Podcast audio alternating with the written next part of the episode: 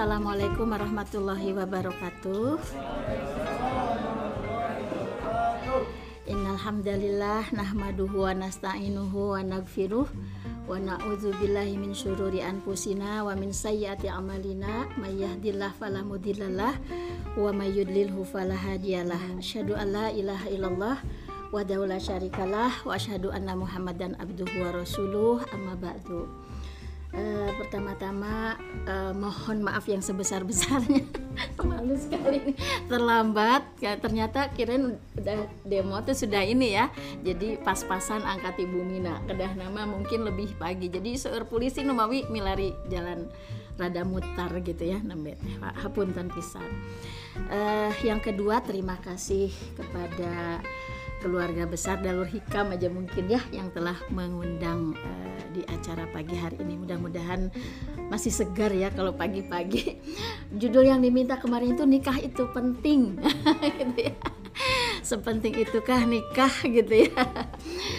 Hanya mungkin uh, karena kita muslim pasti yang paling enak membahas mulai nikah itu adalah bagaimana tuntunan Al-Quran, bagaimana kemudian Nabi menjelaskan tentang nikah dan yang paling sederhana sering kali kalau di kelas ibu bertanya ke mahasiswa e, anda makan karena apa? Karena lapar.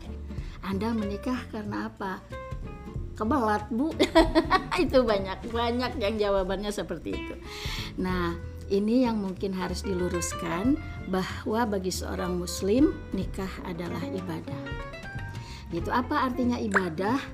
Artinya adalah menikah harus didorong oleh rasa ketaatan kita kepada Allah. Bahwa nikah sama dengan ibadah sholat itu kan, saum. Nah seperti tadi pertanyaan lapar kenapa eh kenapa makan karena lapar. Tapi kalau ditanya kenapa saum di bulan Ramadan banyak muslim yang menjawabnya benar ya karena karena perintah Allah gitu. Bahkan hafal suratnya di surat uh, Al-Baqarah 183. Gitu kan banyak yang hafal tapi untuk aktivitas yang lain termasuk menikah banyak muslim yang salah jawab gitu ya ketika ditanya menikah bukan ibadah. Nah, jadi apa arti ibadah? Kan sebenarnya itu ya yang yang esensinya. Ketika menikah itu bagi seorang muslim adalah ibadah dan dasarnya jelas wa ma khalaqtul jinna wal insa illa liya'budun. Lalu konteks nikah apa yang dimaksud dengan ibadah? Bahwa nikah itu tadi adalah bentuk sebagaimana arti ibadah, ketaatan, ketundukan kita kepada Allah. Dan dari ketaatan ketundukan kita kepada Allah itu kita menyadari efeknya adalah untuk kita bukan untuk Allah. Seperti kita makan, kan efeknya ba bagus untuk kita. Sehingga kalau kita tidak makan tanpa alasan, artinya tanpa tadi perintah Allah saum dosa. Gitu kan? Nah, gitu, seperti itu. Jadi makna nikah adalah ibadah tadi adalah ketika kita apa e, mendorong ya mem memfokuskan diri sesuai tentu saja dengan tahapan kehidupan karena Allah sendiri yang mengatakan manusia itu tobakon an tobak. Ya hidupnya itu kan terus e, berkembang. Nah, ini teh diar ini yang tahu tentang perkembangan manusia ya. Salah satu perkembangan manusia adalah fase di mana mereka harus menikah.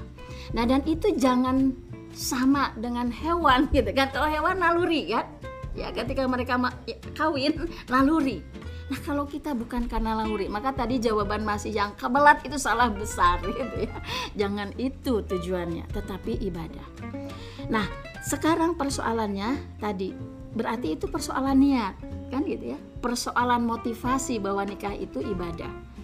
Nah yang selanjutnya supaya kita punya nilai ibadah dalam nikah itu adalah tadi syarat kedua supaya aktivitas seluruh aktivitas kita hidup ini adalah ibadah kan ada dua syarat. Satu tadi niatnya karena Allah termasuk tadi menikah. Harus diniatkan karena Allah.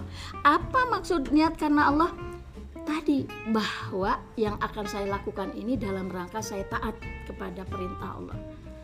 Pertanyaannya memang nikah di perintah Allah? Nah ini yang tadi tidak tahu kalau saum kan ya ayyuhalladzina amanu kutiba alaikumusyaum ada Bu Al-Baqarah 183. Gitu. Kalau makan jarang yang familiar. Padahal ada ayat yang mengatakan kulu washrobu walatus ribu ya diperintahkan makan juga sama dengan saum. Termasuk nikah. Jadi kita akan temukan ayat tentang nikah itu di surat An-Nur ayat 21 walaupun perintahnya kepada wali. Untuk perempuan tentu saja ya gitu. Fankihu gitu. Itu perintah. Nah kalau untuk AAA calon bapak ini semua kan akan jadi wali suatu saat. Nah, ini perintah untuk wali. Wali kan bukan hanya ayah, ya, kakak laki-laki, saudara laki-laki kan ada uh, wali yang nasab.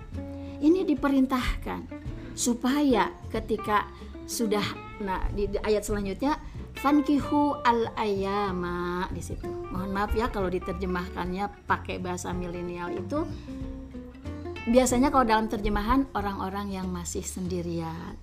Kan gitu?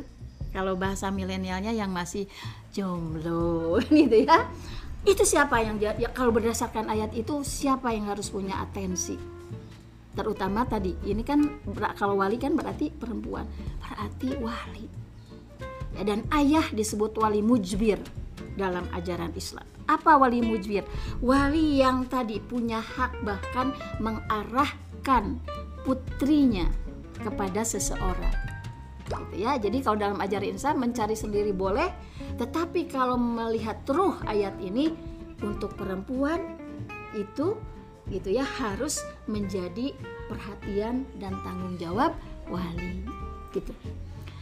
Nah, jadi fankiu al ayam orang-orang yang masih sendirian. Info koro bahkan Allah mengatakan seperti itu jika mereka fakir ya. Kan sekarang jadi pertimbangkan itu ya. Bagaimana udah bekerja belum? Kan gitu ya. Gimana nanti atuh kan kayak gitu ya. Info koro jangan khawatir kata Allah. Jika mereka fakir yugni humullah. Allah yang akan mencukupkannya Wah jadi semangat ini ya kayaknya ya Ya gitu Ya nggak usah khawatir dengan itu Allah yang akan mencukupkan Nah makanya nanti harus terus nih belajar ekonomi syariah karena nanti bicara soal apa itu nafkah, apa bagaimana muslim melihat harta kan begitu ya. Nah itu jawabannya itu ada di sesi selanjutnya. karena sekarang hanya nikah dulu ya.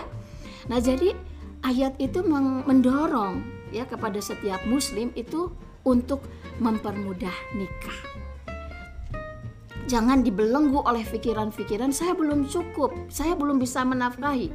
Karena yang proaktif dalam ajaran Islam itu harus laki-laki dan wali kalau untuk perempuan. Ya, jadi perempuan itu ya tidak berarti juga kalau orang Sunda dulu ada peribahasa dulang tinande.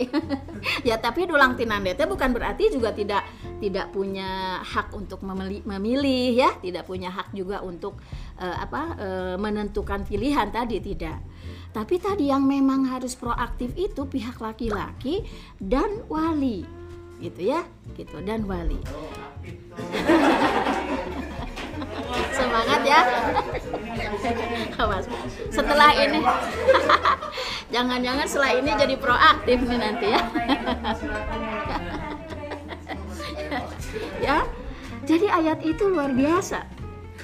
Ya. Jadi itulah dasar ayat yang harus me mendorong kita supaya tadi ketika kita menikah punya nilai ibadah. Kenapa? Ini dorongan ini. Nikah itu makanya tadi bisa wajib kan hukum nikah itu makanya dalam fikih ada lima ya bisa wajib untuk orang-orang yang sudah mampu gitu ya ya tadi karena nanti dijelaskan nah nanti Al-Quran ini nanti dijelaskannya oleh hadis salah satu fungsi hadis terhadap Al-Quran itu adalah menjelaskan Nah terkait ayat ini nanti hadis menjelaskan ya maksyaros sabab. Nah ini ya wahai para pemuda. ya. Manis sato'a minkumul ba'ah ya. Barang siapa yang sudah istitoa sudah ada kemampuan al-ba'ah untuk menikah fal yatazawwaj. Maka hendaklah menikah. Ya. Nah, itu itu isyaratnya tadi untuk mempermudah ya jadi kalau kita melihat nanti sunnah fi'liyah Nabi 25 ya misalnya. Eh, nggak apa-apa ya, ini harus supaya menginspirasi. Jadi eh, menikah itu memang apa namanya harus dimudahkan. Dan tadi bukan hanya oleh kita sebagai nanti orang yang akan menjalani tapi mindset orang tua juga ya. Harus harus harus harus dibuat sama harus dijelaskan kepada mereka juga.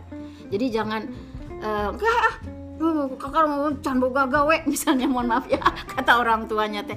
Bismillah bu tapi kan sudah punya tanggung jawab punya arah punya fokus. Justru nanti pernikahan itulah yang akan membukakan pintu rizki semakin terbuka.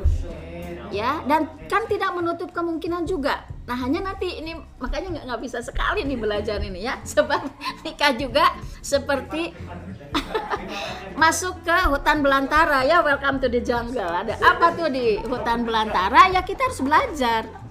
Harus belajar ilmunya.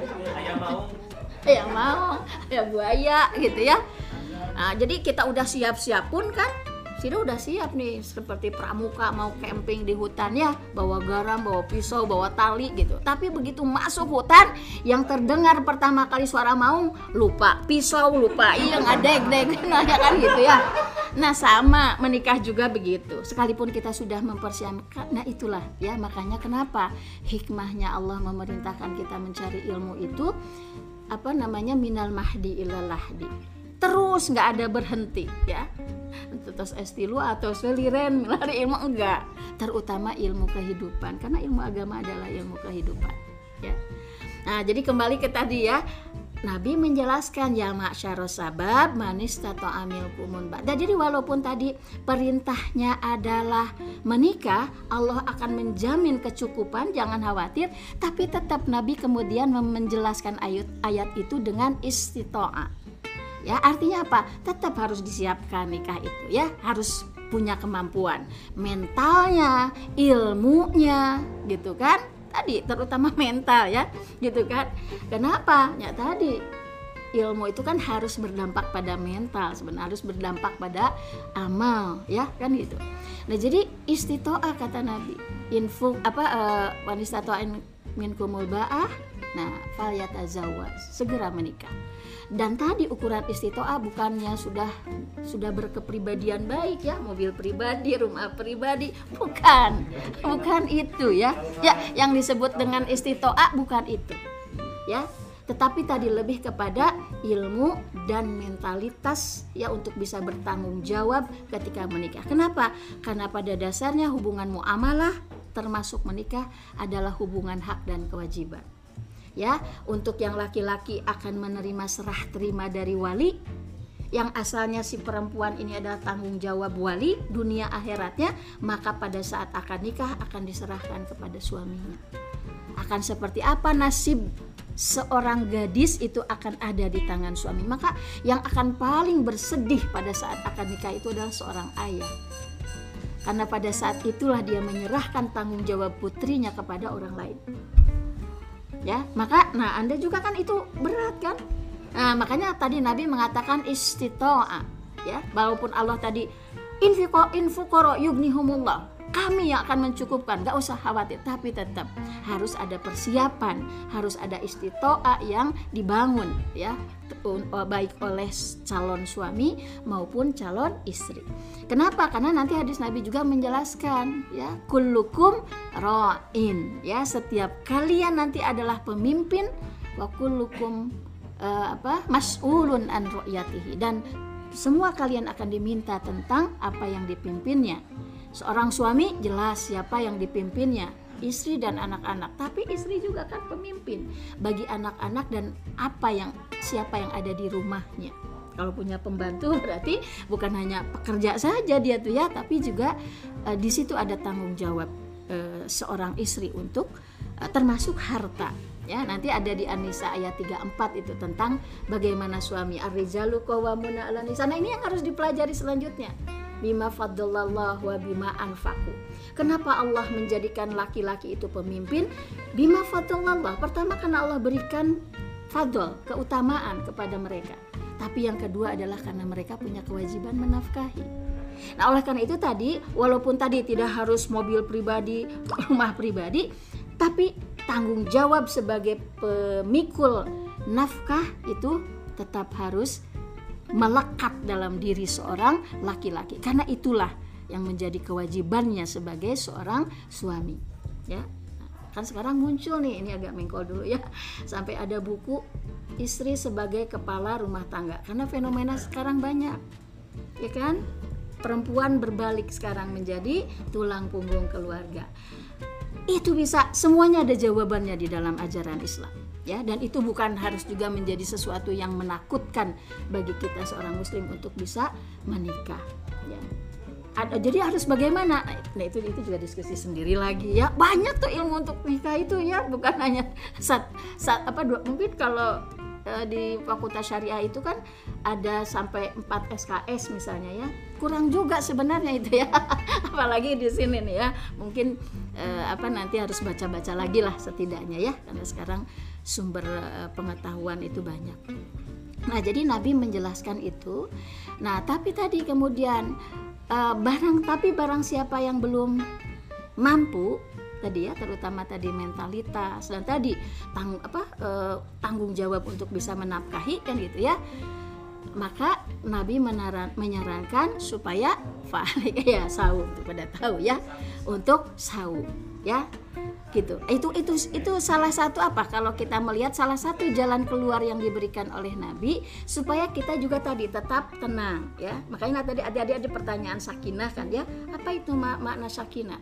Makna sakinah itu uh, akar katanya sama dengan sin kap nun ya sikin. Sikin itu sama artinya makanya sakinah itu secara bahasa bisa berarti pisau ya. Dan Pak Quraisy Shihab itu menarik ya menjelaskan kata sakinah. Ketika satu pisau yang tajam digunakan untuk menyembelih hewan ya maka tadi ketika hewan itu asalnya gelisah kan? Eh, hewan kalau mau disembelih itu karena dia sudah punya feeling ya punya naluri dia gelisah.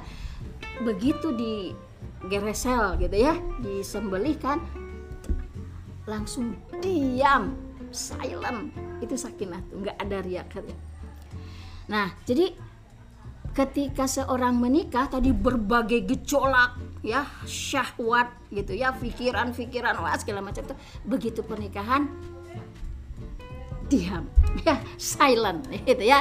Ter, karena tadi itulah itu pernikahan itu tadi bisa meredam ya menyelesaikan kegelisahan gejolak ya termasuk tadi syahwat yang memang itu sudah diberikan Allah ya sebagai uh, fitrah yang ada pada setiap manusia baik laki-laki maupun perempuan. Nah, itu tadi penjelasan nabinya ya. Jadi dari ayat Al-Qur'an An-Nur tadi dijelaskan oleh Nabi dan tadi Nabi menguatkan di hadisnya yang lain ya uh, an-nikah sunnati kata Nabi gitu.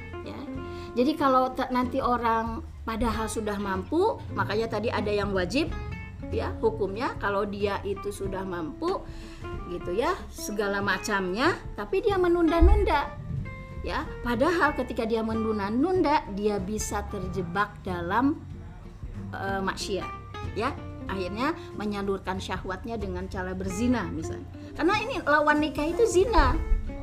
Ya dalam Islam lawan nikah itu adalah zina ya. Dan al, tadi Nabi mengatakan an nikah sunnati nikah itu adalah cara hidupku. Jalan hidupku. Jalan hidup yang ku tempuh cara hidup gaya hidup. Gaya hidup Nabi itu stylenya itu menikah gitu ya. Bukan mohon maaf ya. Dengan tadi mengumbar syahwat dengan cara yang tidak menikah gitu. Faman rogibaan sunnati maka ketika ada orang yang membenci sunnahku kata Nabi artinya apa? Dia lebih memilih jalan hidup yang bukan nikah ya mohon maaf. Misalnya tidak sampai berzina tapi punten ya. Melakukan masturbasi onani dan sebagainya falaisa minni kata Nabi seperti itu. Awas ya itu bukan jalan nah ternyata kan sekarang mungkin e, ada penguatan dari ilmu kesehatan. Ternyata kan itu juga tidak baik ya. Me mengakibatkan apa namanya ya merusak kesehatan gitu ya. Maka tadi cara hidup yang ditempuh oleh Nabi itu kan dasarnya adalah perintah Allah. Nabilah nanti yang menjadi role modelnya. Bagaimana Nabi menikah. Gitu ya, jangan dilihat dulu banyaknya. Karena Allah berarti langsung kebayang kayak gitu kan. Ini juga nanti ada ada lagi apa penjelasannya ya. Tapi menikah itu adalah tadi cara hidup yang ditempuh uh, oleh Nabi. Ya jadi tadi bagi seorang muslim mulailah hari ini merubah mindset bahwa saya ingin menyempurnakan ibadah saya dengan tadi apa melakukan salah satu step dalam kehidupan kita apa yang disebut dengan menikah dan jadikanlah menikah itu sebagai ibadah dengan memenuhi dua syarat. Pertama, niatnya harus karena Allah. Maksudnya apa? Bahwa tadi ketika kita menikah dorongannya adalah ketaatan. Saya ingin mengikuti mentaati perintah Allah. Seperti kita saum, seperti kita sholat gitu. Saya diperintah gitu. Dan ayatnya ada. Inilah yang dimaksud nanti ketika kita beramal, artinya menikah itu beramal dengan ilmu ya kan akan berbeda orang yang beramal dengan ilmu dengan yang tanpa ilmu kualitasnya akan berbeda ya nah salah satu yang membedakan kualitas amal itu apa? Saya tahu saya menikah ini dalilnya ini gitulah ya dasarnya ini. Ada di Quran lah emut emut oge ayatna suratna ya tapi ada gitu. Kan paling tidak sekarang tahu ada kok perintah menikah itu di dalam Al-Quran. Ada kok penjelasannya penguatannya dari Nabi bahwa tadi menikah itu adalah sunnah Nabi. Diperintahkan juga berarti kan melalui lisan Nabi. Bukan hanya perintah Allah tapi juga perintah Rasulullah. Ya sementara ayat Al-Quran mengatakan atiullah wa atiur rasul. Jadi karena taat maka nanti ketika niatnya sudah benar ya kan kata Nabi juga di dalam uh, hadis innamal a'malu ini kebayang kalau niat kita salah ada orang yang menikah sudah puluhan tahun tidak punya nilai ibadah apa pun karena niatnya salah. Padahal kan untuk punya nilai ibadah tuh harus niatnya karena Allah. Maksudnya apa? Karena kesadaran ini diperintah Allah. Bahkan tadi supaya lebih berkualitas tahu ilmunya. Ada Qurannya ada hadisnya. Walaupun mungkin tidak hafal walaupun tadi hanya sekedar yakin adanya saja ya itu akan merubah kualitas amal kita. Nah, yang kedua syaratnya adalah tata caranya harus sesuai dengan tuntunan Allah dan Rasulnya. Apa pun ya, bukan hanya menikah. Dua ini maka aktivitas kita akan menjadi ibadah, insya Allah. Artinya apa? Iba, kalau kita mengibaratkan mau membangun rumah di surga, ya rukun Islam, rukun iman itu hanya pondasinya saja kita kalau diam di satu rumah yang hanya pondasinya saja gimana? Ya kalau kehujanan, kehujanan, kepanasan, kepanasan kene gitu kan. Perlu dibangun ya, ada dindingnya, ada atapnya. Nah, dinding dan atap itulah aktivitas seluruh aktivitas kehidupan kita termasuk menikah. Bahkan di hadis yang lain Nabi mengatakan nikah orang yang menikah itu sudah melakukan setengah dari agamanya. Gitu ya. Artinya kan sudah tinggal sedikit lagi nih kan kita menuntaskan kewajiban agama ya kalau kita sudah meni menikah. Kenapa? Tuh di situ memang banyak ibadah, banyak potensi pahala yang bisa kita raih. Ya, tapi kalau tanpa ilmu malah banyak potensi dosa juga ya. Nah, nanti suami mengabaikan istri, ya istri juga mengabaikan kewajibannya. Nah, kalau tanpa ilmu intinya berarti untuk nanti bagaimana menikah itu ya selanjutnya perlu ilmu ya. Jangan berpikir bahwa untuk e, menikah itu tidak diperlukan ilmu ya. Jadi bukan ilmu itu hanya untuk kehidupan dunia. Kata Nabi wa mayuridid dunya fa'alaikum bil ilmi. Kalau kalian ingin kehidupan dunia harus dengan ilmu. Wa mayuridil akhirah. Kalau kalian ingin akhirat juga fa'alaikum bil ilmi. Dengan ilmu juga gitu Nah, jadi itu ya dua syarat supaya nanti nikah itu punya nilai ibadah dari mulai ta'arufnya, pendekatan. Maka tadi nggak akan ada maksiat kan? Badai istilah na ta'arufan, badai istilah pacaran, yang penting kontennya. gitu ya isinya tidak mengandung maksiat, tidak melanggar yang menjadi tuntunan Allah ya tapi bahwa kita memang harus juga memperhatikan istilah-istilah yang kita kenal ya ya itu bagus. Ya misalnya sekarang taruh lah ya yang yang di yang dibangunnya. Ya ya tapi tadi ya jangan lupa ulah namina ta'aruf tapi di dalamnya sami wae sarang pacaran misalnya ya. Nah itu aduh ini aja ibu juga udah punya anak-anak kadang-kadang tuh ya. Tapi di situlah kan kita juga punya ketika mengingatkan walaupun ke anak-anak kita sendiri ya di situlah ibadahnya juga. Kalau kita niatnya tadi ya ini amar ma'ruf nahi munkar kan diperintah Allah. Kan gitu ya termasuk kepada anak-anak bukan hanya kepada misalnya e, orang lain saja kan gitu ya. Nah di situlah. Jadi tidak usah juga ah nah tuh eta kok anaknya ustad tapi gening bobo anak gitu. Oh, ya itu batak kan memerenan si orang tua nasi naseri ibadah nasehatin anaknya terus ya kadang-kadang tadi kan berproses ya. Seorang anak juga berproses ya gitu. Apalagi di tengah masa yang seperti ini. Tidak mudah ya.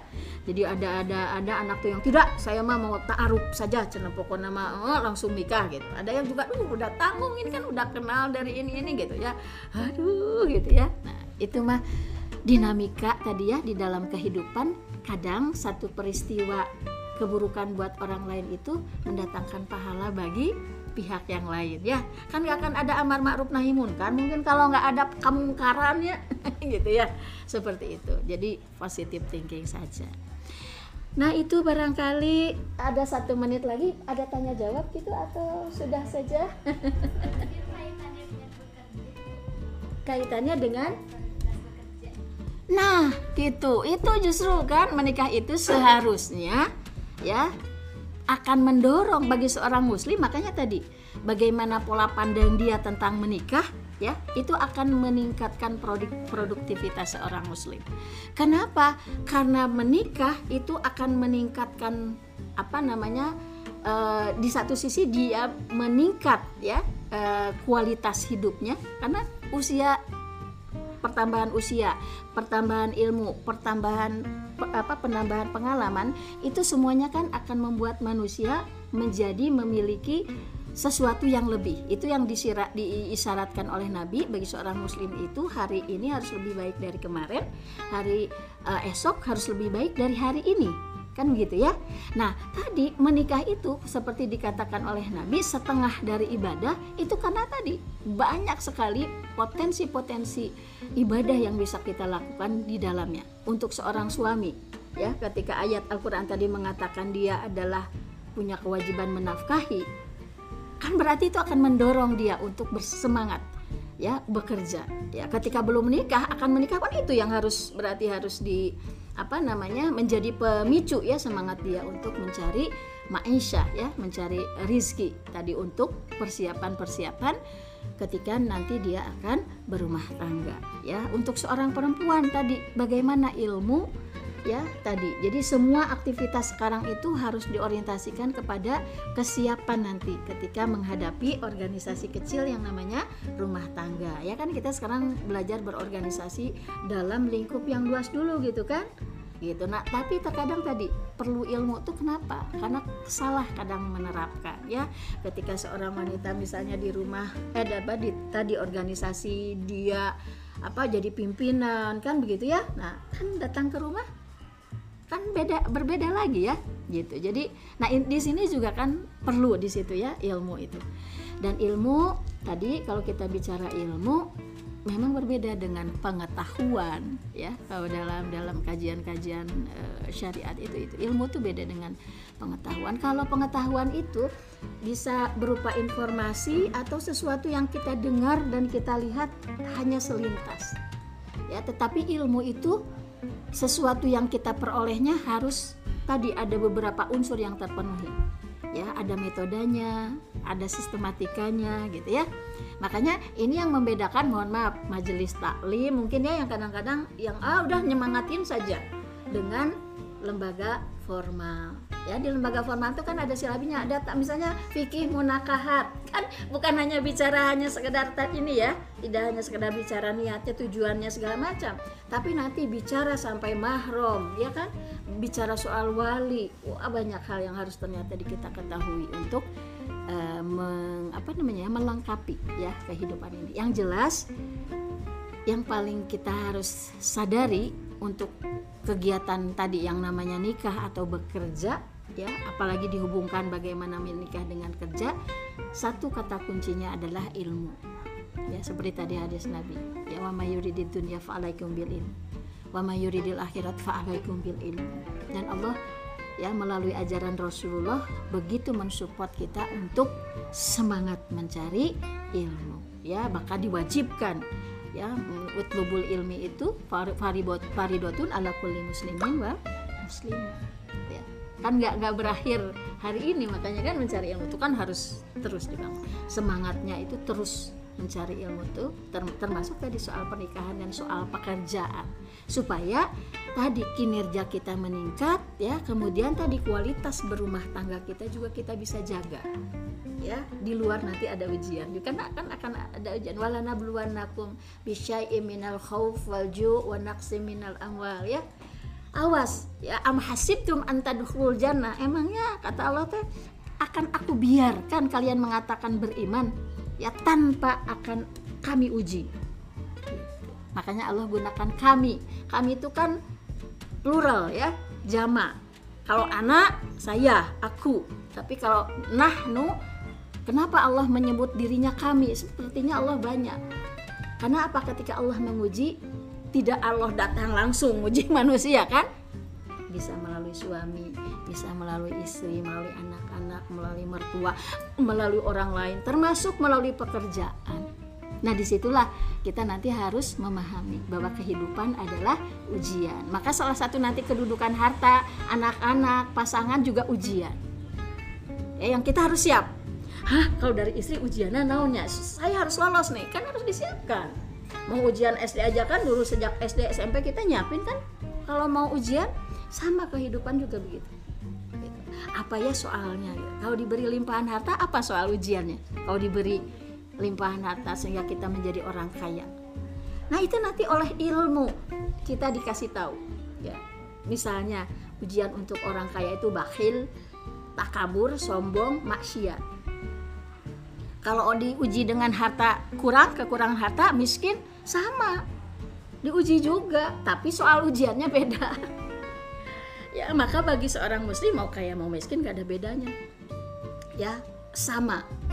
Sama ruginya sama untungnya. Rugi kalau tidak lolos ujian ya. Untung kalau lulus ujian. Cuman soalnya beda. Ya kalau orang kaya ini ujiannya kalau orang miskin ini. Nah itu kan nanti ada semua dalam kehidupan rumah tangga. Ya nanti istri ada suaminya yang lolos istri nah hese lulus ujian. Apa lol, lolit loli apa lola gitu ya misalnya. Atau istrinya yang cerdas dia bisa bertahan ya menjawab semua soal suaminya yang uh, apa lola misalnya ya. Nah itu mah kehidupan ya. Itulah yang tapi semuanya kalau dengan ilmu insya Allah ya akan memudahkan kita. Ringan gitu ya ringan. Terasanya sebenarnya mah ada berat pamit di bacaan mama salah teh ya. Tapi ketika tadi kita kembali kepada ilmu insya Allah itulah yang akan meringankan. Kenapa? Karena janji Allah ya. Kata Allah mayuridillah khairan yufaqihu fiddin ketika Allah menghendaki kebaikan pada seseorang yufakihu fiddin Allah akan fakihkan akan fahamkan dia terhadap agama maka itu kuncinya ya jadilah ya pamitnya pakih oke artinya calon pakih kita dia akan susah ya untuk jadi fakih mau jadi pukoha gitu ya tapi setidaknya kita berproses mendalami memahami agama agama. Alhamdulillah ketika kita berada di lingkungan ya seperti di Darul Hikam pasti kan kita difasilitasi untuk itu ya, disupport, diberikan motivasi. Alhamdulillah ya satu hal yang harus kita syukuri.